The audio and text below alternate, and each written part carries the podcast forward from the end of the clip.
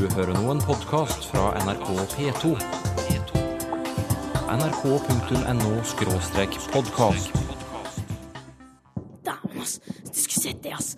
Han dro den sinnssykt seige kickflipen.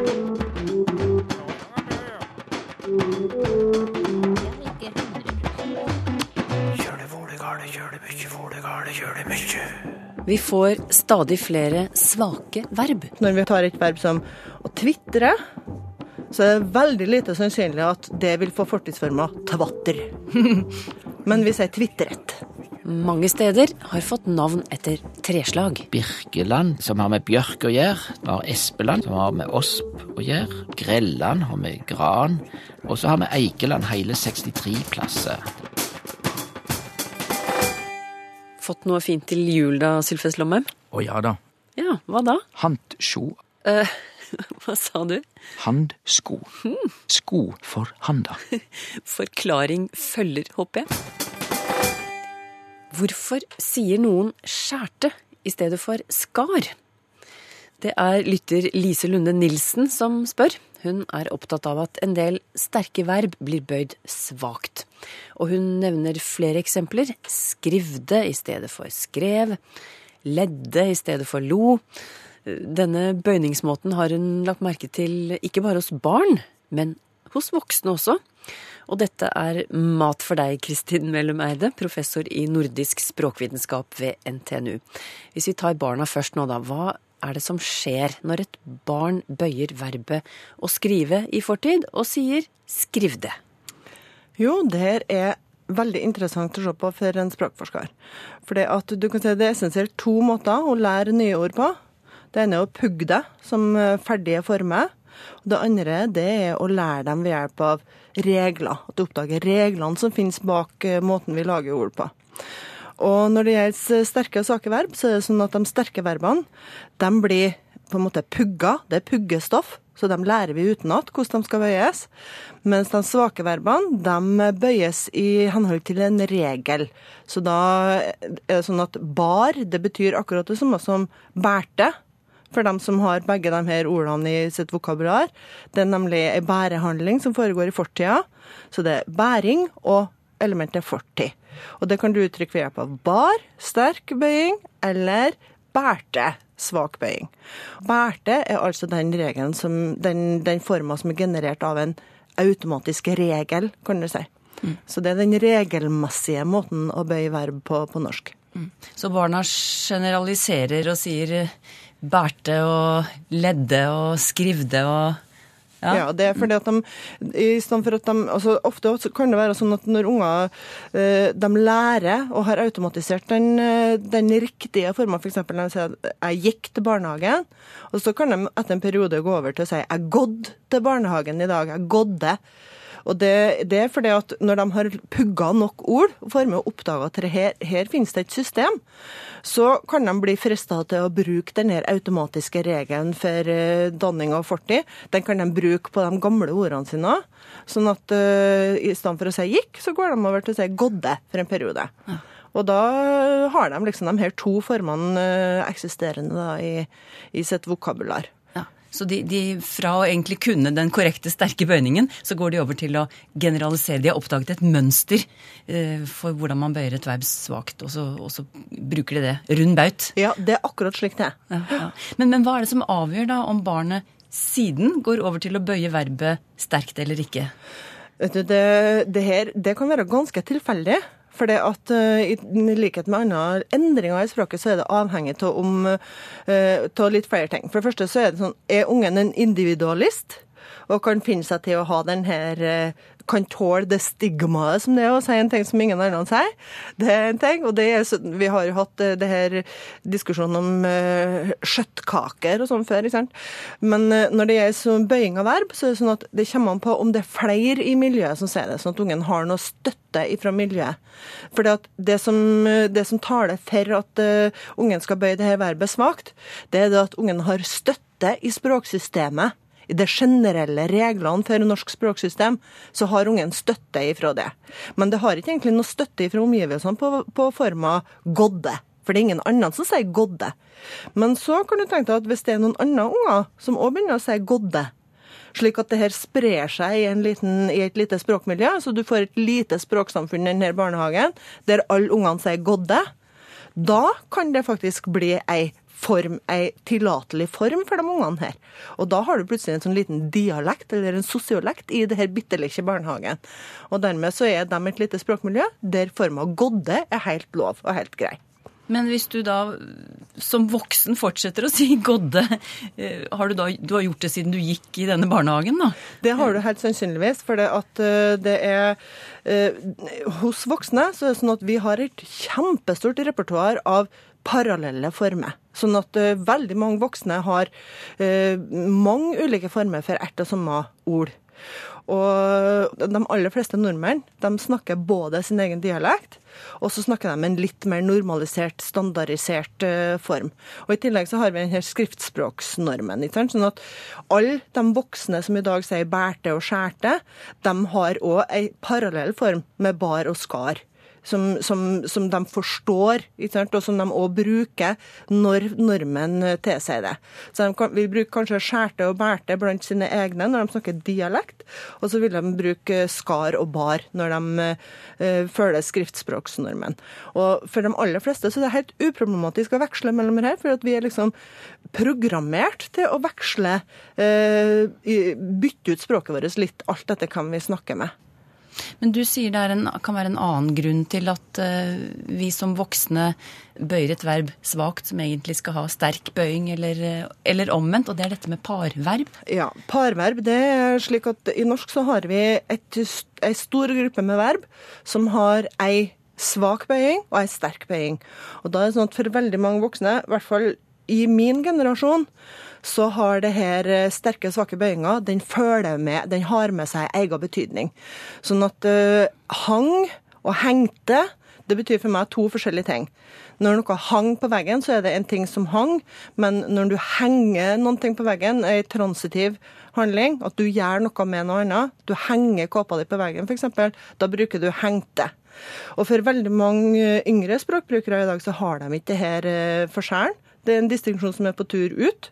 Sånn at uh, når jeg las i et intervju med Gro Harlem Brundtland, så skrev journalisten at han snakka med Gro mens hun hang av seg kåpa.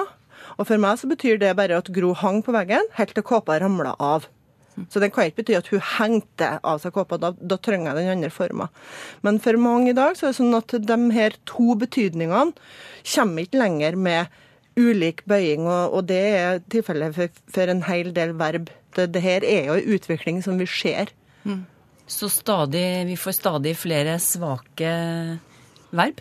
Ja, vi gjør det. For en ting er at de her verbene faller sammen. Og, og, så er det sånn at presset fra systemet er der hele tida. For at systemet, det automatiske regelverket, tilsier at alle verbene skal være svake, egentlig, sant? etter regelen. Sånn at de sterke verbene er jo uregelmessige. Mm. Og da er det sånn at uh, i og med at vi ikke har automatisert den her uh, sterke verbmåten å bøye uh, verb på. Altså, det er ikke den uh, regelen vi bruker når vi får nye verb inn i språket, f.eks. Så, så betyr det at når vi har, tar et verb som å tvitre, så er det veldig lite sannsynlig at det vil få fortidsforma tvatter. Men vi sier tvitret, ja. for det er slik reglene Og det betyr at for alle nye verbene som kommer inn i språket, så vil de bøyes på svak måte etter regelen, og ikke på den sterke måten. Så det vil si at etter hvert så vil, vil de eh, svake verbene fortrenge de sterke verbene mer og mer. Du sier det er et forhold som kan beskytte sterke verb mot å bli behandlet som svake, og det er frekvens. Hva mener du med det? Jo, det er nemlig slik at hvis vi ser på de sier 500 eh, mest eh, frekvente verbene i norsk, så er det sånn at 120 av dem er sterke. Og det er veldig mange av verbene som er veldig frekvente av de sterke verbene. Og Det betyr at vi hører dem ofte, og det betyr òg at unge som, eh, som begynner å si 'godde', når, når det finnes et verb som 'gikk', som er så frekvent, så, så vil en hele tida få input på at alle vi andre vi sier 'gikk'. Og det vil en høre og få bekreftelse på veldig mange ganger. Og, og, dermed så er det sånn at eh, når verbet er frekvent, og når det òg er frekvent i fortidsformer, så vil det beskyttes, da. Altså språkbrukeren vil vite hvordan du skal bøye det. Har du et eksempel kanskje på et gammelt, sterkt verb som ikke har hatt denne beskyttelsen, og som bøyes svakt i dag? Ja, vi kan f.eks. ta verbet flå. Som egentlig er akkurat eh, likt som slå. Sant? Eller eh, man skulle tro at det var helt likt. Men eh, flå, det var, i, i norrønt så var det et sterkt verb flo. Og da kan du tenke deg at flåing var jo sikkert ganske mye mer utbredt på norrøn tid enn det er i dag. I dag er det ikke så veldig mange som har behov for å snakke om flåing. Og derfor så er fortidsforma den har blitt mer og mer fjern for folk. Og så nå heter det å flå, flår, flådde. Men det heter ikke å slå, slår, slådde. Det heter for slo. For det at slo det er såpass mye mer frekvent og har blitt beskytta fra å bli generalisert over i denne svake verbforma. Et sterkt verb som brukes ofte, er beskyttet mot å ende opp som et svakt verb. Det sa Kristin Melum Eide, professor i nordisk språkvitenskap ved NTNU.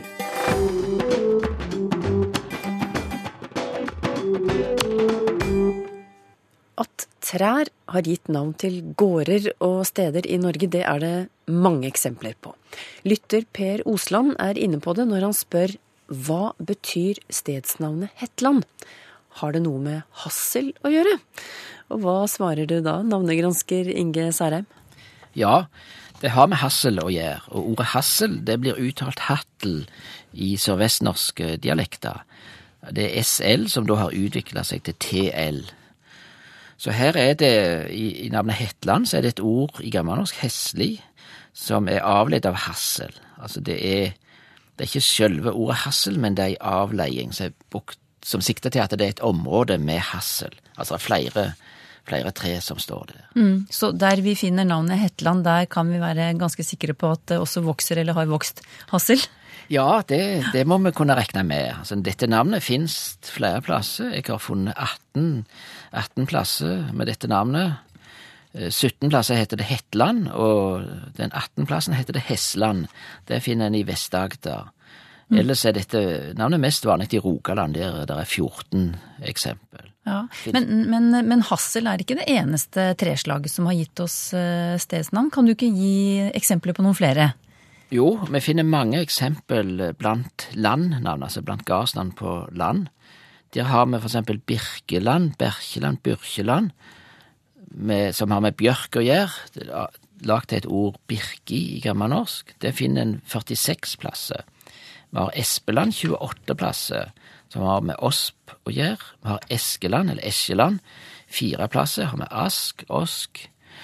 Vi har Erland eller Ørland, åtte plasser, altså ord, tre slag ord. Grelland har med gran, finst. Lindeland eh, har med lind å gjøre. Røyneland har med rogn å gjøre. Og så har vi Eikeland, hele 63 plasser. Det har med eik å gjøre. Så, og alle disse eksemplene de ender på land. Og hva, hva forteller eh, det såkalte suffikset land oss? Ja, det er et eh, Det finnes ca. 2000 gardsnavn av denne typen. Og hoved, Hovedsakelig finnes de på Sør-Vestlandet, med Vest-Agder og Rogaland som kjerneområde. Men det er òg mange i tilgrensende fylker, Hordaland og Aust-Agder blant annet. Og det er en eh, Vi kan godt si det er en agrar navnetype. altså en, Det er knytta ned til jorddyrking. Og selve ordet land sikter til jordstykke, eller jord som kan nyttes som jordbruksland. Og ofte på Sørlandet, for eksempel, så finner en landnavn oppover dalføret, og det viser hvordan bosettinga har spredt seg oppover, oppover i dalen, har tatt området området i bruk. Og så vi kan godt kalle det en slags eh, ekspansjonsnavn. Så det signaliserer at, eh, at bosetting har spredt seg inn, innover og oppover i, i dalførene? Ja, de har rydda jord, rydda land. Ja, ja. Og, det, og navnet kan også, navneleddet kan òg være brukt om, eh, om gårder som er utskilda fra en større og eldre morsgard, for eksempel Skrettingland, som eh, da har vært knytt og skilt ut ifra Skretting, og vi har Vadland, som er skilt ut ifra Vold. Så der ser vi hvordan det gamle, det opphavlige gardsnavnet står som førsteledd i navnet på land. ja. Men disse landnavnene, når eh, stammer de fra? Ja, det er jo har blitt sagt at det er typisk for folkevandringstida, men en må regne med at det, noen av de kan gå enda lenger tilbake i tida, kanskje det er 200-300 etter Kristus, og at en har lagt navn med dette leddet fram til ca. år 1000 etter Kristus. En, en finner ikke kristne nevne, altså personene som kom inn og kom i bruk som utslag av den kristne påvirkningen av kulturen. Det finner en ikke som første ledd i disse navnene.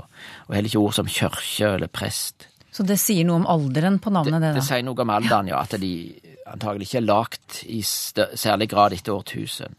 Og ellers så finner en mange, mange ord for førkristen religion. En finner for eksempel Hovland, 38 plasser. Ordet hov, gudehov. Helgaland, 45 plasser. Helgaland eller Helgeland eller Helland. Det tyder heilag. Og du har òg gamle gudenavn. Frøyland, 14 plasser. Det er Frøya. Frøysland eller Frøytland, 6 plasser. Det er Frøy. Osland, to plasser. Det er Odin. Nærland, Njord, fire plasser. Totland, ca. ti plasser. Da Tor. Ullaland, tolv plasser. Gunnulf. Så, så hva forteller det om disse stedene, at de har fått disse navnene fra, hedens, eh, fra norrøn mytologi? Ja, det tyder på at de har vært sentrale plasser for uh, førkristen kult. Og, og det gir de en slags uh, Ja, det, det viser at plassene har vært viktige i det tidligere samfunnet. Det kan være mye historie å lese ut av stedsnavn. Du hørte navnegransker Inge Særheim ved Universitetet i Stavanger.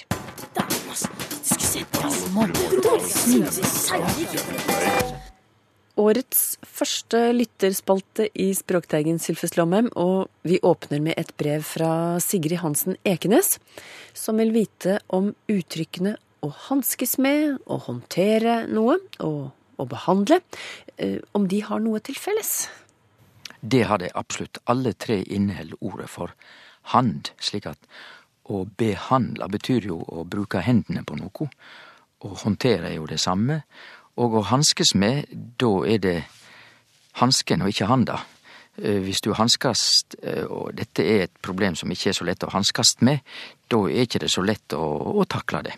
Ordet hanske er forresten veldig interessant, fordi at det er ei sammensetning hun har vært i norsk i tusen år, men den er egentlig tysk og betyr eh, handsjo, altså handsko. Ein hanske er sko for handa. Så skal det handle om eh, bokstaven W. Den synes å være på vei ut av muntlig norsk og bli erstattet av V, skriver Kjell H.S. Jensen. Han har eh, noen eksempler. I radio- og fjernsynsprogram og i muntlig tale ellers så har han hørt eh, at bilmerket BMW blir omtalt som BMW. Han har hørt at organisasjonene WWF og WHO blir omtalt som WWF og WHO. Og dette skriver han i motsetning til f.eks. programlederne i det engelske bilprogrammet Top Gear, som omtaler BMW som BMW, altså de sier W. Uh, og så lurer han på hva er årsaken til denne utviklingen, da. Og, og bør vi kanskje like gjerne fjerne W fra det norske alfabetet, eller likestille V og W i muntlig tale? Ja, det siste med det jo, hvis vi ser i ordboka, så er de arka som har W, de er veldig få. Altså W har veldig få ord i norsk. Så eh, i de få orda vi har, så er det jo låneord som regel, og de må vi nok halde på. Og det er ikke så rart at eh, når folk sier BMW på norsk istedenfor BMW, eh, for letthets skyld så blir det jo gjerne det. Og det betyr ikke at W-en er på vei ut ordnorsk. Den har aldri stått sterkt der, og eh, at han står svakere nå enn før, det er heller ikke opplagt. Vi sa jo han Bush, han gamle Bush, var ikke det det med W. Bush? Så der vart eh, W-en uttalt som W. Men dette er en liten historisk interessant sak, fordi W har ikke funnes så veldig lenge. Den opphavlige bokstaven, og da må vi gå til det klassiske latinske alfabetet, la oss si for 2000 år siden, hadde bare V som bokstav. V. Og den V-en, den eh, sto for både U og V, for så vidt. Og seinere i historia så denne enkle V-en blitt splitta opp i U og enkel V og W. Og W-en er egentlig ei germansk oppfinning. Eh, Når den også er på fransk i våre dager, så er det fordi at fransk har lånt den fra germansk. Og i og med at den enkle V-en vart splitta opp i både U og V og W, så har vi òg samstundes forklaringa på at engelskmennene ikke sier double V, men de sier double U, altså dobbel U. Eh, Så det å kalle W-en for dobbel U er egentlig ganske forklarlig, i og med at alt dette kjem fra den gamle latinske bokstaven V, altså enkelt V. Men har du lyst til å mene noe, Sylfus Lomheim, om at eh, noen av oss da omtaler W som V? At vi sier BMW istedenfor BMW, eksempel? Ja, det skein vel gjennom da jeg sa det, at det, det syns jeg ikke er noe gale med om vi sier BMW på den måten der. Det blir Noe annet ville virka litt sånn påtatt og kanskje litt tungvint.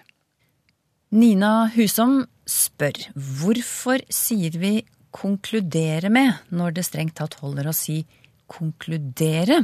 Og hun legger til er med bare et småord som gjør at setningen flyter eh, lettere? Er det, det noe forskjell på konkludere med og konkludere? Nei, egentlig er det jo ikke skilnad på å konkludere og å konkludere med hvis du enn sier at ja, eh, herr Sylfe, så konkluderer med med at, eller her konkluderer med slik. Altså, den, den med-en er ganske naturlig å ha. Jeg tror ikke det har med flyten å gjøre, egentlig, men det er veldig naturlig å ta den preposisjonen med på norsk, fordi at konkludere betyr jo å avslutte, altså runde av, summere opp, og da er det jo lett å tenke seg med etterpå. Men strengt teke så er ikke den nødvendig. Vi kan eh, vi kan bare seie konkludere. Dette latinske ordet concludere betyr jo å lukke, stenge saman. Altså stenge inne. Og det er jo ganske nær det å avslutte. Slik at eh, den siste delen, kludere, eh, der har jo eh, vi fått ord etterpå både som kloster og som klosett, for alt dette har med det som er stengt eller avlukke å gjøre. Erik Jensen er journalist i nettavisen Vesterålen online, og han legger merke til at kolleger sløyfer ordet at når de skal fortelle at dette og dette kan skje. Det skjer hyppigst i overskrifter, sier han, og kommer med et eksempel. Frykter situasjonen vil utvikle seg. Her vil, ville Erik ha skrevet frykter at situasjonen vil utvikle seg. Og så har han hørt meg meg, Språkteigen, si hender det du blander sammen hannkjønn og intetkjønn? Og da syns han at det var litt rart, at ikke jeg sa hender det at du blander sammen. Så nå vil han spørre de lærde, som han skriver, hva er i ferd med å skje med hverdagsnyhetsspråket vårt? Ja, her er det ikke noe gale som er i ferd med å skje. Jeg ble litt nervøs nå, jeg, da. Siden... Du kan være helt rolig enn. Men det er òg hyggelig å si til Erik Jensen, journalisten i nettavisa Vesterålen, at han også har rett. Og hvis han alltid vil bruke at i slike døme som han nevner, så er det fullkomment korrekt, og sjølvsagt det mest fullstendige. Frykter at situasjonen vil utvikle seg, som han nevner. Men det er faktisk heilt korrekt i norsk, i slike konstruksjoner av den type attsetninger som det er der, at vi også, hvis vi vil, så kan vi sløyfe att, fordi at eh, det er ingen fare for mistyding. Frykter situasjonen vil utvikle seg. Med øh, subjekt og verbal, som det heter, er på plass, så det er ikke noe fare for mistolking. Jeg tror det ordnar seg. Det er klart det går heilt fint å forstå og skrive det, i stedet for også 'jeg tror at det ordnar seg'. Han sa han kom. Ja, det er heilt korrekt. Han sa at han kom. Det er også heilt korrekt. Så at kan altså veldig ofte strykast når det er full setning, og ikke til å mistolke det som kommer etterpå. Håkon Kvåle Bakke skriver om grønn og grå stær, og spør hva gjør fuglene i medisinen? Grønn og grå stær er jo eh, norsk navn på to øyesykdommer som utenom navnene ikke har noe med hverandre å gjøre, skriver han. Eh, Det første er eh, forhøyet trykk i øyet, altså grønn stær. Og grå stær, det er uklarheter i øyets linse. Og på fagspråket og på engelsk så heter det glaukom eller glaucoma. Og katarakt eller cataract. Så hvorfor disse fuglenavnene på norsk, vil Håkon Kvåle Bakke vite. Ja, og det ligger jo en litt spøkefull undertone i spørsmålet fra Håkon Kvåle Bakke, og det, det skjønner jeg fordi at eh, fuglenavn er jo en stare. Eh, det er jo en fuglefamilie, en art som heter en stare. Og eh, det fuglenavnet, en stare, har ikke noe med eller stær heter det jo også på norsk, det må jo legge Jeg sier stare, men det kan også hete stær, sjølvsagt. Og stær, fuglenavnet, har ingenting med grå stær og grønn stær å gjøre i det hele tatt. Det er bare lydleg sammenfall uten slektskap. Og da kan jeg gå på ordet grønn og grå stær. Eh, stær, eller star, skal henge sammen med å stara, som jo også er i slekt med å stira.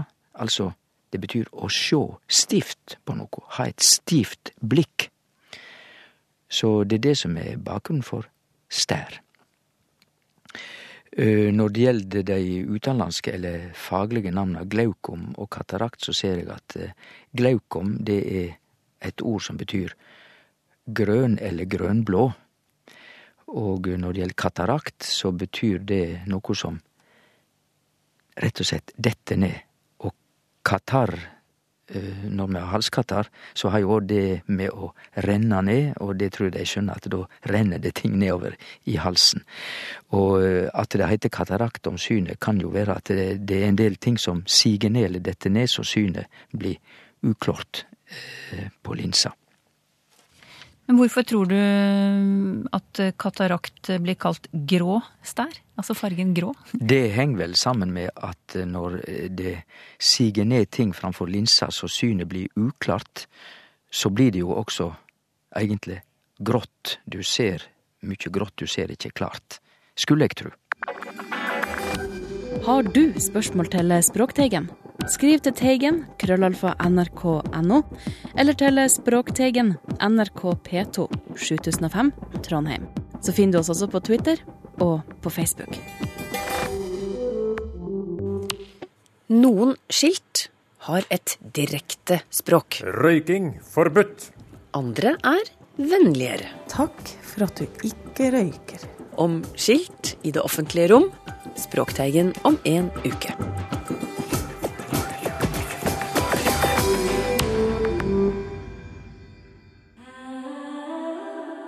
nrk.no podkast.